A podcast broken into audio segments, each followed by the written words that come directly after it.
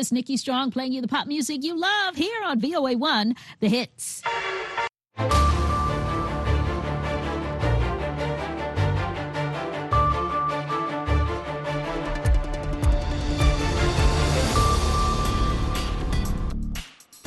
halkani waa washington laanta af soomaaliga ee v o a oo aad ka dhegaysanaysaan mawjadaha gaagaaban efrimada geeska afrika iyo caalamka oo dhan oo aad nagala socotaan boggeena v o a somaali com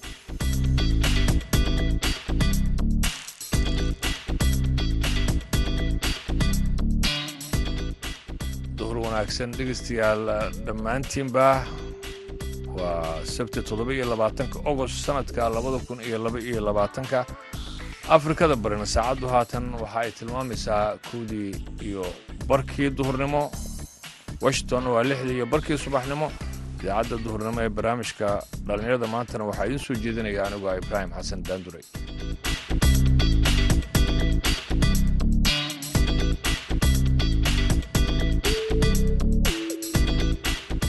Waxaad ku maqli doontaan barnaamijka madasha dhallinyarada oo toddobaadkan ku saabsan xaaladda waxbarashada dhallinyarada ku dhaqan degmada cadaado ee galmudug waxyaalaha isbeddelka muujiyana waxaa ugu muhiimsan oo korarka badan ka muuqdo xagga waxbarashada.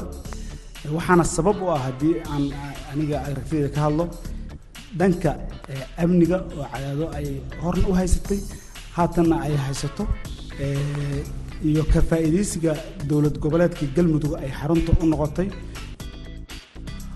Hase yeeshee waxaa ka soo horrayn doonaa warkii dunida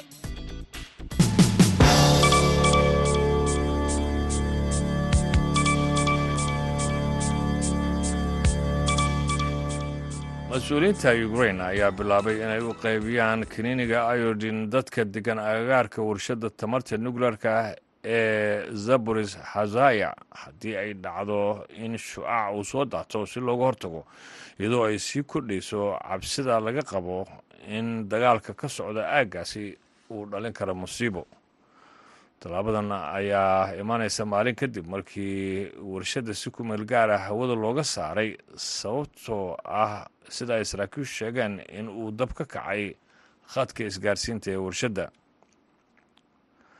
Dhacdadan ayaa waxaa la sheegay inay sii xoojisay cabsida laga qabo musiibo nukleeri ah oo la mida ti jornobil ee sannadkii iyo lixdii oo dadka dalkaasi ku reebtay xusuus maskaxeed xun dacshiradu joogta ah ayaa waxaa laga soo sheegayaa aagga sawirada dayaxa gacmeedka ah ee laga soo qaaday halkaasi ayaa muujinaya dab agagaarka dhismaha warshadda nucleerka ugu weyn yurub dhowrkii maalmood ee la soo dhaafay carruur ka badan hal milyan oo da-doodu ay ka yartahay shan sano ayaa wajahaya nafaqo darro ba'an oo ka jirta waqooyiga bari ee nigeria sida uu sheegay xafiiska qaramada midoobay ee isku xirka arrimaha bini-aadminimada. Kooxda xagjirka ee boko xaram iyo garabka daacish ee galbeedka afrika ayaa muddo toban sano ah kula dagaalamayay ciidamada ammaanka ee nigeria waqooyiga bari ee dalkaasi iyagoo barakiciyey in ka badan laba milyan oo qof boqolaal kalena ay ku dileen sida ay sheegeen hay'adaha gargaarka. Xafiiska qaramada midoobey isku xirka arrimaha bini-aadminimada ayaa u baahan hal bilyan oo dollar sanadkan si uu gargaar cunto ugu fidiyo in ka badan shan milyan oo qof oo ay ku jiraan haween iyo carruur oo ku nool saddexda gobol ee borno adamawa iyo yobe. Warkiina dhegeystayaal waa nageyntaas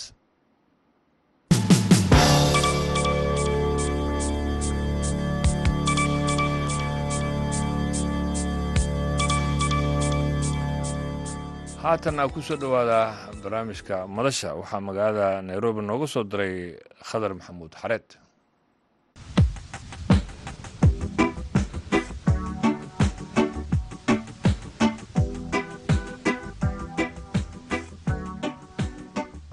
kulanti wacan oo wanaagsan dhegaystayaal ku soo dhowaada barnaamijka madasha dhallinyarada ee v o e da oo toddobaadkan idinkaga imaanaya magaalada cadaado toddobaadkan barnaamijka madasha dhallinyarada waxaanu kaga hadli doonaa hadduu eebba idmo labadii sane ee u dambeysay degmada cadaado waxa ay samaysay horumar dhan walba leh halka waxbarashada ay tahay midda ugu muhiimsan waxaana jira dhallinyaro badan oo ku nool degmada cadaado oo helay waxbarasho heerar kala duwan leh kuwa oo ka faa'iidaystay.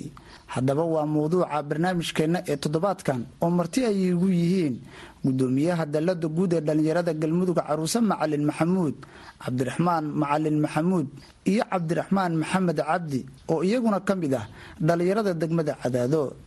Dhammaantiin ku soo dhawaada barnaamijka madasha dhallinyarada ee v o e da waa ku dhownahay cabdiwaaxid aadan kugu mahad celinayaa cabdiwaaxid iyo bahda kale v o e da waa ku faraxsannahay inaan doodan ka wada qeyb qaadano haddii aan su'aasha u soo dhaadhaco kobac badan ayay sameeyeen. Labadii sano la soo dhaafay.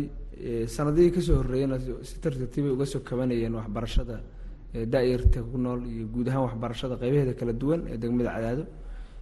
Labadii sano ugu dambeysana runtii way ka sanadba sanad ka dambeeya way ka badnaayeen ardayda dugsiga sare iyo ka baxaya iyo iskuullada laftirkooda iyo jaamacadaha ku soo siyaadayeen aaday u fara badan yihiin. Ilaa saddex boqol iyo wax ka badan ayaa sanadkan dugsi sare ka dhameeyey degmada cadaado. Arday badan oo boqolaal gaarayan waxay kuga jiraan jaamacadaha sannadkii hore kuwa galay sanadkan hadda kuwa galayna aaday u fara badan yihiin. Marka waxaa la dhihi karaa amniga iyo kala dambeynta deegaanka ka jirta awalna hore uga jirtay xilligii xaman iyo xaab ayaa sabab u ah iyo dowlad goboleedyada oo maaragtay dowladaha oo loo soo daadejiyey gobollada oo markii maamulka galmudug la dhisay waxaan yeelanay xuquuq badanoon awal aan heli jirin. Adeerto hadday tahay waxbarashada hadday tahay arrimaha bulshada oo kale iyo siyaasadda intaba. Marka waxa waxay helaan waxbarasho oo maaragtay iisheeg la la siiyo ardayda iyo jaamacadaha ay helaan scholarship iyo caawinaad kale oo wasaaradaha ay kaleen xataa iyo dhismayaal iskuol marka waxaa sabab u ahan is leenahay dowladda galmudug hormuuday u tahay. Isla su'aashaas gudoomiye ku-xigeenka dhallinyarada degmada cadaado cabdiraxmaan macalin maxamed. Labadii sane u dambeysay horumar ballaarana laga sameeyey magaalada cadaado haddii ay noqoto arrimihii bulshada gaar ahaan dhinacii waxbarashada dhalinyaro fara badana u dareerta waxbarashada qeybaheeda kala duwan. Maxaa sal u ah maxaase lagu gaaray horumarkaas labada sano? Bismillaah waa mahadsanta cabdiwaaxid waa su'aal muhiima. Runtii labadii sano oo la soo dhaafay waxaad moodaa in xagga waxbarashada wax badan ay iska bedeleen magaalada cadaado u ah caasimadda kumeel gaarka galmudug. Waxyaalaha isbeddelka muujiyana waxaa ugu muhiimsan oo korarka badan ka muuqdo xagga waxbarashada waxaana sabab u ah haddii aan aniga aragtideyda ka hadlo dhanka amniga oo cadaado ay horna u haysatay haatanna ay haysato iyo ka faa'iidaysiga dowlad goboleedka galmudug ay xarunta u noqotay mar kastaba ay noqonayso meesha guud ee laga hago siyaasadda galmudug wax allaale wixii horumarkeeda iyo tashigeeda kow u tahay marka waxaan is leeyahay wax badan ayay isbeddel sameeyaan. Waxaan kaloo is leeyahay waxaad moodaa inay wada guddoonsadeen dhallinyarada reer galmudugba gaar ahaan cadaado inay waxbarashada u jeestaan oo waxbartaan da-yartooda iyo kuwooda xataa waaweyn ee waxbarashada hore uga habsaamay inay ka faa'iidaystaan fursadda ay haystaan oo go'aankaas ay wada qaateen. Haddana ay ku jiraan. Marka waxaan is leeyahay waa guul la gaaray. Waxyaalahaas dhan baana sabab cabdiraxmaan haye waxaan ku dari lahaa intaas saaxiibaday ay sheegaan marka ugu horreeya anoo cabdiwaaxid oo si gaara kugu mahad celinaya guud ahaan v o edaan leeyahay. Waa door fiican ka qaybgalka barnaamijkan. Haddii aan wax yar ku daro markii la fiirsho kobaca waxbarashada degmada cadaado si gaara markaad fiiriso. Sanadii ugu dambeeyey wuxuu sameynayay koror boqolkiiba toban aan dhihi karno. Hadda heerka uu joogo waxaa moodaa in galguduud oo dhan meesha ugu ardada ugu badan ay hadda sanadkan ay ka qalin jebisay degmada cadaado markaad egto meelaha kaleeto ay ka fursado badan tahay xagga nabadgelyada oo kaleeto. Marka qofkii ama ardaygii uu helayo sidau rabo inuu si nabadgelya wax ku barto uu helayo fursado badan ama jaanisyo badan oo aysan haysan dhallinyarada degmooyinka kaleta joogtaa in ay haystaan dhallinyarada degmada cadaado oo si gaara ilaahay aan ugu mahad celino barnaamijkaas. Waxaana qeyb ka ah horumarkan bulshada isku duubnida bulshada iyo wacyigelin badan oo loo sameeyey dhallinyarada aad moodid in wacyi wacyi badan laga sameeyey maadaama sanadihii ka horreysay la dhihi jiray deegaankani wuxuu ka hooseeya waxbarashada aad ugu liitaa keliya aan ku dari lahaa anugu inay jiraan dhallinyaro fara badan oo seegtay waxbarashadii. In loo sameeyo waxbarasho oo si bilaash ah oo hoos looga soo dhisayo maadaama midii aasaasiga ahayd ay ka seegtay. Hadda fursadaha ay haystaan dadka reer cadaado aysan hore u haysan sanadihii hore waxaa ka mid ah jaamacadihii inay ka heli karaan ardayga markuu ka qalin dugsiga sare uusan u baahnayn inuu gobol kaleeto u boqoolo ama meel kaleeto u aado waxbarashadiisa inuu dhammaysto uu jaamacaddii uu ka helayo degmada cadaado. Taasna waa fursad gaara oo ay haystaan dadka reer reer cadaado. Caruuse macalin haddii waxbarashadu ay kobocdo dhallinyaraduna ay aada wax u bartaan maxay tahay faa'iidada laga dhaxli karaa faa'iidada laga dhaxli karaa waxay tahay horta marka koowaad soomaaliya burburkii ku dhacay kadib dhallinyaradu dhowr qaybood u qaybsameen kuwo waxay ahaayeen kuwii ka qayb qaadanayay burburkii iyo dhibaatada dalka ka jirtay. Qaarna waxay ahaayeen kuwo dhibaato ay ka mid tahay waxbarasho la'aan iyo dhaqaale xumo iyo nafaqa darro ku dhacday la dhibaataysan. Iyaduna sababtay inay wax badan ay mustaqbalkooda uu mugdi galo. Haddii ay dhacdo in dhallinyaradu wax bartaan waxaa soo iftiimaya wax wax iska bedelayaan meesha ay ku nool yihiin deegaanka soomaaliya o dhan. Ayaguna waxay mustaqbalkooda iyo noloshooda iyo aqoontooda dhismaysa. Tusaale haddii maanta degmada cadaado ay joogaan dad aqoon leh oo maaragtay iisheeg wax yaqaano wax bartay. Waxaa laga garanayaa magaalada cadaado oo maaragtay samaynaysa dhaqaale wax samaynaysaa maaragtay iisheeg kobac dhaqaale iyo dhisme iyo xag aqoonada xataa ay yaraanayaan dhibaatada dalka meesha ka jirta. Dadka waaweyn oo waxbarashada ka baxay waxay gaarayaan ilaa toddoba boqol ay ku dhow yihiin oo ay waxbarteen oo awalna aan fursaddaas aan caado ku haysan. Waxaa laga yaabaa inay ku jireen qaflad kale iyo maaragtay ka qayb qaadan jireen baagamuuddo iyo fadhi u fadhi jireen. Laakiin hadda waxbarta jaamacado ka soo baxay. Dufcaddii dufcad dufcaddii koowaad oo adhaltiga soo baxday sannadkii saddexaad ay marayaan u malaynayo sannadkii afraad jaamacadda hadda oo waxbarteen weliba inta ugu badan waxay yihiin waa waxaa loo diyaariya macalinnimo marka waxaa looga raystay waxay tahay in meelo kore looga keeno macalimiin sida baargeyso borco beledweyne muqdisho aa laga darbi jiray.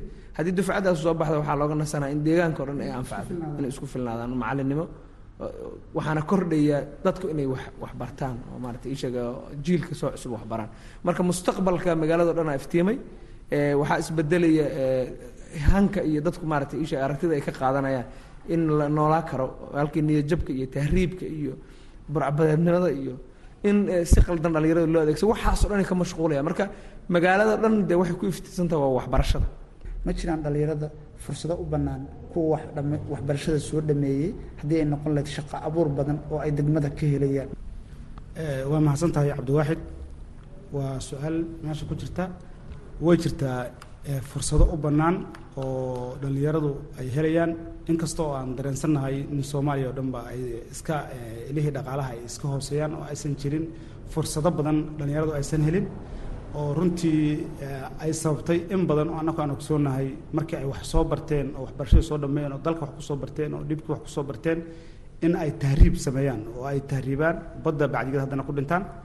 Marka waxaan is leeyahay dhallinyarada degmada cadaado oo hadda halkan waxbarashada ku dhameeyey fursadaha u bannaan oo ugu muhiimsan oo wacyigelinta badan laga sameeya waxay tahay inuu ardaygu uu macallin noqdo oo hadda isagu uu deegaankii macallin ka noqdo inuu siyaasadda deegaanka ka jirta ka qayb qaato inuu horumarka mar kastaba qof u taagan uu yahay run ahaantii waxaad moodaa inay fursadahaas ay hadda sida aan dareensannahay dhallinyarada cadaado ay sameeyaan mana dhicin intaan ogsoonahay qof cadaado ka qalin jabiyey oo dugsi sare ku dhameeyey ama heer jaamacadeed ba jaamacadihii weli dadku ma aysan dhammayn oo cadaado jaamacad hadda weli ay uga soo baxeen ma jirto. Waa sida uu gudoomiyuhu sheegayey dadka kuwa ugu horreya ilaa saddex sano dhiganayaan marka ma jirto dad aan ogsoonahay oo ka tegay deegaankan. Mid kasta wuxuu haminayaa inuu fursadaha shaqo ee ka bannaan deegaankan inuu ka shaqeeyo ama uu abuuro fursado kale oo asaga maskaxdiisa uu ka abuuro. Waana arrinta aan in badan dhallinyarada isku baraarujinno oo annagu aan iska wacyigelinno. Runtii waxaa xusid mudan hadalkii hore oo su'aashii ahayd maxay faa'iideen macnaha dadka dhallinyarada? Haddii ay wax bartaan runtii dhalinyarada waxyaalaha ay faa'iidayaan oo ay ka faa waxbarashadaas waxaa ka mid a in ay iska daayaan tahriibtii oo ay tahriibayaan oo dalka ay ka tahriibayaan in ay iska daayaan inay isbaaraystayaal noqdaan. Anagu sidaan ogsoonnahay dadka isbaarooyinka ama dadka dhibaateeya ka mid maahan qof wax bartay oo wax soo bartay inuu qof muslima inta jidka u istaago uu dadka baarto suurtagalka ma aha inuu waxa weeye wax aan maslaxa ugu jirin deegaankii dalkiisa uu ka shaqeeya suurtagalka maahan. Marka waxaan is leeyahay dhalinyarada wax bartay faa'iidada ay ugu horeyso oo ay qabanayaan waxay tahay inuu qofku naftiisana isku anfaco dalkiisa iyo deegaankiisana uu anfaco. Waana eh, arrin runtii eh, xusid mudan in dhalinyarada eh, eh, reer cadaado ay in badan iska wacyigeliyaan arrintaas oo aan samayno inaan eh, wacyigelin samayno qofku inuu deegaanka wax u qabto aad baa maasanta cabdiraxmaan waa kuusoo noqon doonaa caruuse. Sida uu cabdiraxmaan ka dhawaajiyey kaalin weyn baa u bannaan dhallinyarada. Inay door ka qaataan hanaankii siyaasadda. Dhallinyarada degmada cadaado hamiga ay ka leeyihiin siyaasadda heerkee gaarsiisan yahay gaar ahaan kuwa wax bartay Eh, horta hanka dhallinyarada degmada caado iyo guud ahaan dhallinyarada galmudugba way soo kobcaysaa laftirkooda hanka ay ka qabaan fursado badan oo ay heleen oo kow u tahay in galmudug horta la dhisa marka koowaad haddiisaba jirin qofku meel uu la jaan qaado ama dowladda uu arko waxaa laga yaabaa inuu qaafil uga jiro oo wax kale ku mashquulsan yahay. Marka horta in galmudug ay timaado hanka dhallinyarada galay iyo fursadda ay heleen ay ka mid tahay runtii xubnihii baarlamaanka galmudug xilligii la dhisayay xubno badan dhallinyaraha galay. Wasiirada waxaa ku jiray agaasimayaasha dad dhallinyaraha u badan yihiin inta badan dhallinyaro waaye wax badanay ka qabtaan wayna nagala qayb qaataan horumarinta dhallinyarada. Eh, fursaddaasna runtii sanadyada soo socda dadka ku haminaya inay ama xildhibaano noqdaan ama wasiiro noqdaan ama ay siyaasadda qayb ka noqdaan si ay dalka wax uga bedelaan aad ay u fara badan yihiin. Waana waxaynu u badan yihiin dadka wax baranaya hadda oo jiilka ah inay wax bartaan rabaan.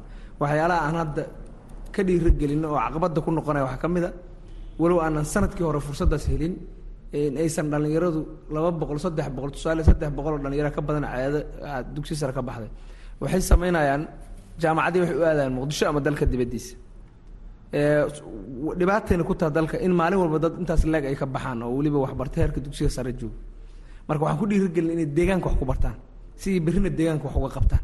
Aad baa umahadsantahay caruuse cabdiraxmaan dhalinyaro badana ka faa'iidaysata waxbarashada haddii shaqo abuur loo sameyn waayo maxay dhalinyaradaas la gudboonaanaya cabdiwaxid oo aada u mahadsan tahay arrinkaasu waa arrinta dhibaatada ugu fara badan ee haysata dhallinyarada markii ninkii uu waqti badan geliyo maskaxdiisa oo ba- waxbarashadiisa wax uu- geliyo oo haddana uu waayo shaqadii uu waayo waxaa ku imaan karaa waxaa ku imaan karaa welwel badanaa ku imaan karaa waxaa ku imaan karaa isla waxaa ku imaan karaa inuu ku fekero inuu tahriibo broblem badan ayaa ku imaan kara inuu uu muqaadaraadkii xaggiisa uu u weecdo maadaama qofkii uusan shaqo helin waana broblemka ugu badan dhallinyarada keenaysa haatan inay eh, tahriib ama waxyaabo kaleeto aan u wanaagsaneyn ama in ciidan mayn uu qofkii uu galo. Isagoo waqti badan la gelshay broblemo fara badan ayaa ku imaan kara. Marka waxyaabo fara badan ayaa looga hortegi kara ayaan aaminsanahay barnaamijkaasi waana barnaamij aad ugu badan dhallinyarada hadda deegaanka joogta. Aad baa umahadsantahay caruusa gacanta taagan dhanka shaqo abuurka dhallinyarada marka la yidhahdo waa meesha ugu dhibaatada badan oo maanta ay dhallinyaradu ay boogaha ka yeesheen oo cadow badan oo nooga faa'iidaystay. Ee waxaan is leeyahay magaalada muqdisho iyo meelo kale marka la fiirsho dhallinyaradu markay tahriibayaan waxyaalahay ka cararaan amni darrada ka mid ah. Laakiin halkaa deegaanka hadda galmudug inta badan kama cararaan amni darradaas. Laakiin cadaalad darro dhanka oo shaqada ayaa jirta. Waxaa dhacaysa in shaqo ay timaado ama hay'ad ay bixinayso ama wal banki uu bixiyo oo wasaaradda iyo waxaas lagu baxsho waxaa lagu baxshaa si oo maarata iisheeg aan sharciga waafaqsanayn oo nin jeclaysiya waa laga yaaba in muqdisho laga dalbo iyadoo dhallinyaradii jaamacadaha ka baxay deegaankii joogay oo ku noolaa ay joogaan. Dismoral ay ku keenaysaa waxyaalaha kale oo dhibaatada hadda soo wajahday sanadka labada kun toddobiyo tobanka dhallinyarada galmudug waxaa ka mid a mashruuca shaqo abuurka yes oo dhallinyarada soomaaliyeed loogu talagalay. Waxaa la marin habaabiyey qaabkii loogu talagalay qaas ahaan galmudug. Waxaa dhacday in wasaaradaha shaqada iyo shaqaaluhu ay focal bonti u samaysteen ee barnaamijkaas mashruucaasi dadkaas in aysan ahayn dad la yaqaano oo dhallinyarada xiriir la leh wasaaradda dhallinyarada xiriir la leh. Marka annaga hadda baahideena qofka ka turjumaya focal pointna kaga dhigayo oo mashruucaas uu naga warbixinayo waa inuu yahay qof nala shaqeeya qof baahida ka warqaba qof aan naqaano laakiin qof aan isaguna na aqoon annaguna aanan aqoon marka loogu sameeyey waxay keentay qalqal badan. Haddaan u soo laabano magaalada cadaado doorka dhallinyarada ee waxbarashada iyo faa'iidooyinka ay deegaanka iyo dadkuba ka helayaan. Ka sukow ma jiraan rajo ah in dhallinyaradu ay ka qayb galaan siyaasadda dowlad goboleedka galmudug. Aada umahadsantaha cabdiwaaxidow waa ku rajo weynahay. Horena way u jirtay dhalinyaro badan oo siyaasadda qeyb ka ah. Sida horaan aan u sheegay marka waxaan rajo badan ayaan aan ka qabnaa in la helo dhalinyaro aqoon-yahanah oo barnaamijkan siyaasadda qeyb ka qaata oo boosaskaas buuxin kara in la helo in dhalinyarada si cadaalada wax loogu shaqa loo shaqada loogu qeybsho waxaa jira golihii shaqa abuurka ama deegaanka galmudug la sameeyey in barnaamijkaas la adkeeyo oo waxyaabaha dulduleelada laga cabanayo la soo wada buuxiyo wax badan rajo badan ayaan qabnaa insha allahu dowladda cusub ee dhowaantan madaxweynaha galmudug mudane xaaf uu dhisi doono ayaan ka qabnaa in wax badan laga bedelo waxyaabihii qaladaadkii hore dowladdii hore ka dhacay wax badan isbeddel badan iyo meelo badan in laga buuxiyo dulduleelo badan. Horey experience badan lagu yahay dowladda cabdikariin caqabadihii ka hor yimid. Anigu waxaan qabaa insha allahu in wax badan isbedeli doonaan. Runtii dhallinyaradu hadda ka hor galmudugtii hore way ku jirtay waana wasiirada iyo xildhibaanada intaba. Haddana waxaan rajaynayaa in loo sii kordhi doono insha allahu tacaala rajo ka fiicanan qabaa. Inkastoo madaxweynuhu laftirkiisu uu nin wahayeel laga yaabo inuu doorto ragga. Dadiisa culculus inuu doorto. Laakiin rajo fiicanan qabnaa in dhallinyaradu ay ku biirto siyaasadda dhallinyaraduna haddii ay ku biirto siyaasadda waxay noqon doontaa inay wax badan bedelaan dal haddii uu isbedelo waxa isbedelkaas ku sameynaya jiilka dhallinyarada waa isbeddelka maskaxda fiyow ay wax badan ku samayn doonta. Dhallinyaraduna runtii waxay xogogaal u yihiin wixii soomaaliya ka dhacay dhibkii dhacay dhaawacii gaaray maalin kasta dhimashada iyo dhibka dhallinyarada ee haysta soomaaliyeed ay ogyihiin marka in maskax fiyow oo dhallinyaro mas'uuliyadda loo dhiibi doono ayakuna ay isbeddel samayn doonaan insha allah rajeynaya aada u mahadsan tahay wax badanaan la qabaa walaalihii hadda iga horreeyey cabdira laba cabdiraxmaan aniga waxaan qabaa horta waan waan kala hadalna dowladda haddana madaxweynehena waa ka ballansannahay inaan horta markaan ugu yaraano wasaaradda dhallinyarada iyo wasaaradda shaqada iyo shaqaalahaba aan door xoog la ku yeelano si dalka isku bedesho noloshiisa dhallinyarada. Dhallinyaro badanaa galmudug maanta ku jirta laakiin waxay u baahan yihiin laftirkooda wacyigelin badan in la sameeyo. Waxaan ku dadaalaynaa inaan hab inaan tayeyno waxyaalaha lagu tayeynaya waxaa ka mid a qofka hadduu dhallinyaro yahay iskuna arko inuu qabiil ku yimid ama sifo kale ku yimid suurtagal u noqon mayso inuu ka shaqeeyo horumarinta dhallinyarada. Dhallinyarada marka inay dadka meesha tegayaan noqdaan dad ku yimid dhallinyaronimo oo dhallinyarnimo wax lagu siiyey si ay dalka wax uga bedelaan oo aragti ha aragtidooda inay bedelaan oo qofka maanta jooga gaalkacyo jooga midka jooga ceelbuur uu wax ka bedeli karo. Oo ay isku aragti yihiin oo uu ku fakerayo inuu wax ka laakiin hadduu u arko in xildhibaankiisi keensaday oo four point five ku yimid wax weyn ma kordhinayso. Waxba kama duwana kuwii dadkii horaaba ka khibrad badanba waayeelka wax qabanaya. Marka annaga waxaan rabnaa kuwii meesha ku jirna inaan tayeeno meelaha aan culayska saarana waxaa ka mid a guddiyada shaqaalaha in ay helaan. Dhallinyarada hadday wax bartaan haddaan loo helin in shaqo abuur aan la samayno dadka ay shaqo helaan oo cadaaladaas ay maraan kuwii waxbarashada qaatay laftirkooda waxay caajisi karaan kuwa wax soo baranaya waayo qof haddii uu arko wax bartay oo aan waxba hayno derbiyadii fadhiya kuwa kalena dhiir ma ku dhiiragelinayaan inay inay sii waxbartaan inkastoo xurqo waxbarasho ay ka jirto meesha xooga dadku ay dhiiragelinayaan galmudugna maanta waxay u baahan tahay xoogga iyo caqliga iyo aqoonta dhallinyaradii u baahan tahay si ay meesha ay joogto uga kacdo. Intaas ayaan ku soo gabagabeynayaa barnaamijkii madasha aada iyo aad ayuu u mahadsan yahay. Cabdiwaaxid macalin isaaq oo soo jeedinayay barnaamijka madasha dhalinyada oo toddobaadkan ku saabsanaa xaaladda waxbarashada dhalinyada ku dhaqan degmada cadaado ee galmudug. Halkaad uuna nagala socotaana waa washington